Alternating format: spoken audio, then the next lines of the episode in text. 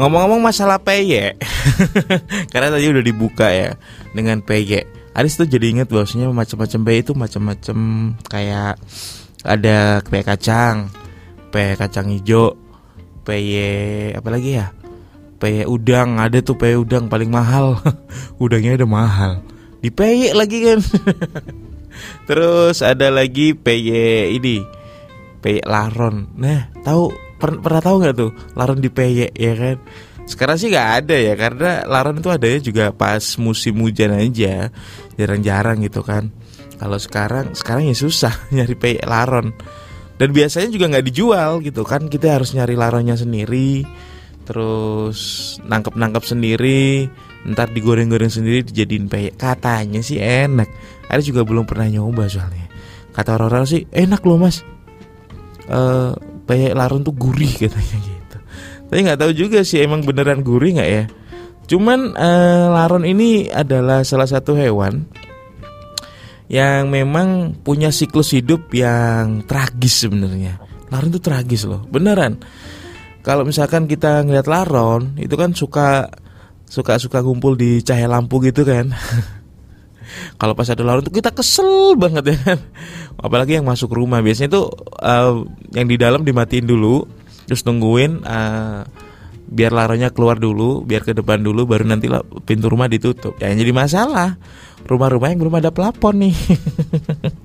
Kalau belum ada pelapon, si laron tetap aja masuk ntar.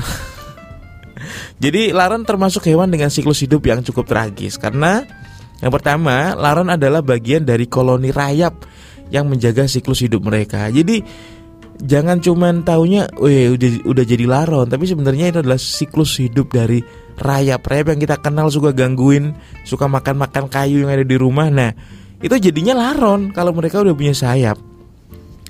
Ini bagian dari koloni rayap yang menjaga siklus hidup mereka. Dicatat dalam Pest World, ya rayap merupakan salah satu spesies hewan yang sudah ada sejak zaman purba. Jadi zaman-zaman dinosaurus itu rayap udah ada tuh, ya kan. Soalnya makanya nggak susah kalau dinosaurus makanya susah. Yang makan daging dia harus ngejar-ngejar sapi, mamut, ya gitu-gitu. Eh mamut ada nggak sih zaman dulu? Sapi ada nggak sih zaman dinosaurus? Ya pokoknya gitulah.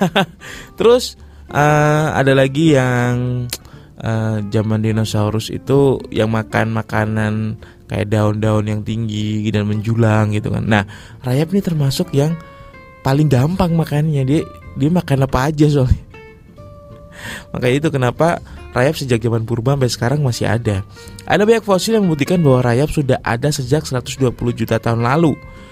Siklus hidup rayap juga terbilang cukup kompleks ya. Rayap adalah serangga yang hidup berkelompok dan memiliki ekosistem sosial yang sangat kuat dan khas. Nah, rayap juga dikenal sebagai hewan yang sangat gemar memakan selulosa yang biasa didapat dari kayu dan produk-produk olahan kayu lain. Makanya itu kalau orang mau bikin rumah pakai kayu biasanya kan dilapisin dulu tuh mas solar sama apa gitu kan biar rayapnya nggak bisa masuk. Karena kalau rayap tuh tahu kayu, wah itu dia, wah makanan nih gitu. Nah, kemudian eh, masing-masing koloni terdiri dari rayap pekerja, prajurit dan swarmer atau rayap reproduksi. Nah, si rayap reproduksi inilah yang biasanya kemudian menjadi laron. Jadi laron itu asalnya juga dari rayap. Untuk berkembang biak karena tidak semua koloni rayap itu dapat bereproduksi kecuali si swarmer. Nah, tugas laron ini sangat mulia sekali karena dia tugasnya adalah harus kawin pada saat mereka keluar dari sarangnya. Itu harus. Makanya kalau misalkan kita ngelihat rayap kemudian diusir-usirin kasihan loh mereka itu. Mereka itu ya emang kayak gitu siklus hidupnya. Pada saat musim hujan biasanya kondisi tanah akan semakin basah dan lembab Kemudian e, merupakan sinyal bagi sebagian koloni rayap yang si swarmer tadi untuk keluar sarang terus kemudian bereproduksi. Nah, jumlah laron yang keluar sarang di musim hujan sejumlah sangat banyak sehingga e, memudahkan mereka dalam mencari pasangan untuk melakukan reproduksi. Uniknya, beberapa rayap pekerja yang ada di luar kelompok swarmer bisa menumbuhkan sayap mereka dan ikut berkontribusi dalam pencarian pasangan di musim hujan. Itu. Jadi kenapa laron sangat menyukai cahaya lampu? Juga salah satunya uh, terobsesi karena Laron itu obsesinya memang cahaya lampu. Jadi sejak lahir gitu kan Laron lahir. Oke nak kamu ketika uh, orang tuanya bilang kamu mau jadi apa nak besok besok saya mau jadi yang terbang di antara cahaya lampu pak itu obsesi Laron dan menurut para ahli Laron akan segera mencari sumber cahaya setelah ia keluar sarangnya karena mereka membutuhkan suhu hangat yang dipancarkan oleh lampu. Dan bagi pasangan laron yang bereproduksi, mereka biasanya akan melepaskan sayapnya dan membentuk koloni yang baru gitu. Makanya kan suka lihat ya, ada laron tapi lah ini sayapnya doang, sayap yang rontok.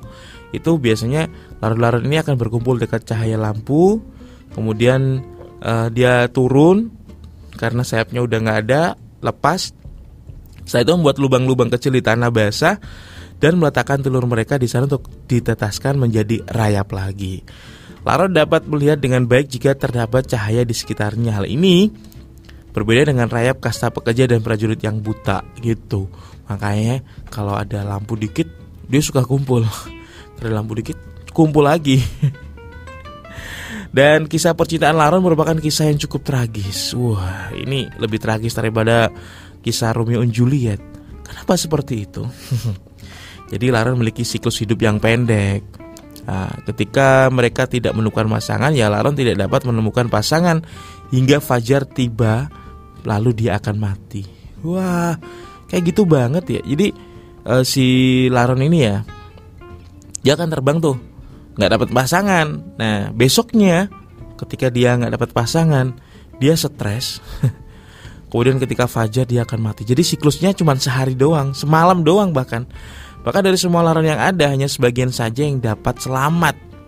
Hal tersebut diakibatkan oleh banyaknya predator di alam kayak burung, tokek, dan cicak juga. Laron pun akan mati karena obat pembasmi serangga bisa jadi. Dan sinar matahari membuat laron kehilangan sebagian besar cairan tubuh sehingga membuat tubuh mereka kering dan tidak lagi lembab, membuat mereka akhirnya mati. Karena itu laron atau rayap sebelumnya ini butuh suhu lembab misalkan di bawah tanah atau di dalam batang pohon besar. Nah, laron betina dapat menghasilkan 30 ribu butir telur sekali menetas gitu. Luar biasa kan siklus hidup laron. Tapi ya kisah cintanya emang agak tragis. Bayangin ya kan, kalau orang misalkan nih lagi nyari pasangan nggak dapat pasangan, ya paling dia stres ngeliatin awan, habis itu mandi pakai shower kayak gitu ya. Nah kalau Laron nggak, wah sepertinya saya tidak berguna lagi di dunia ini. Terus dia mati.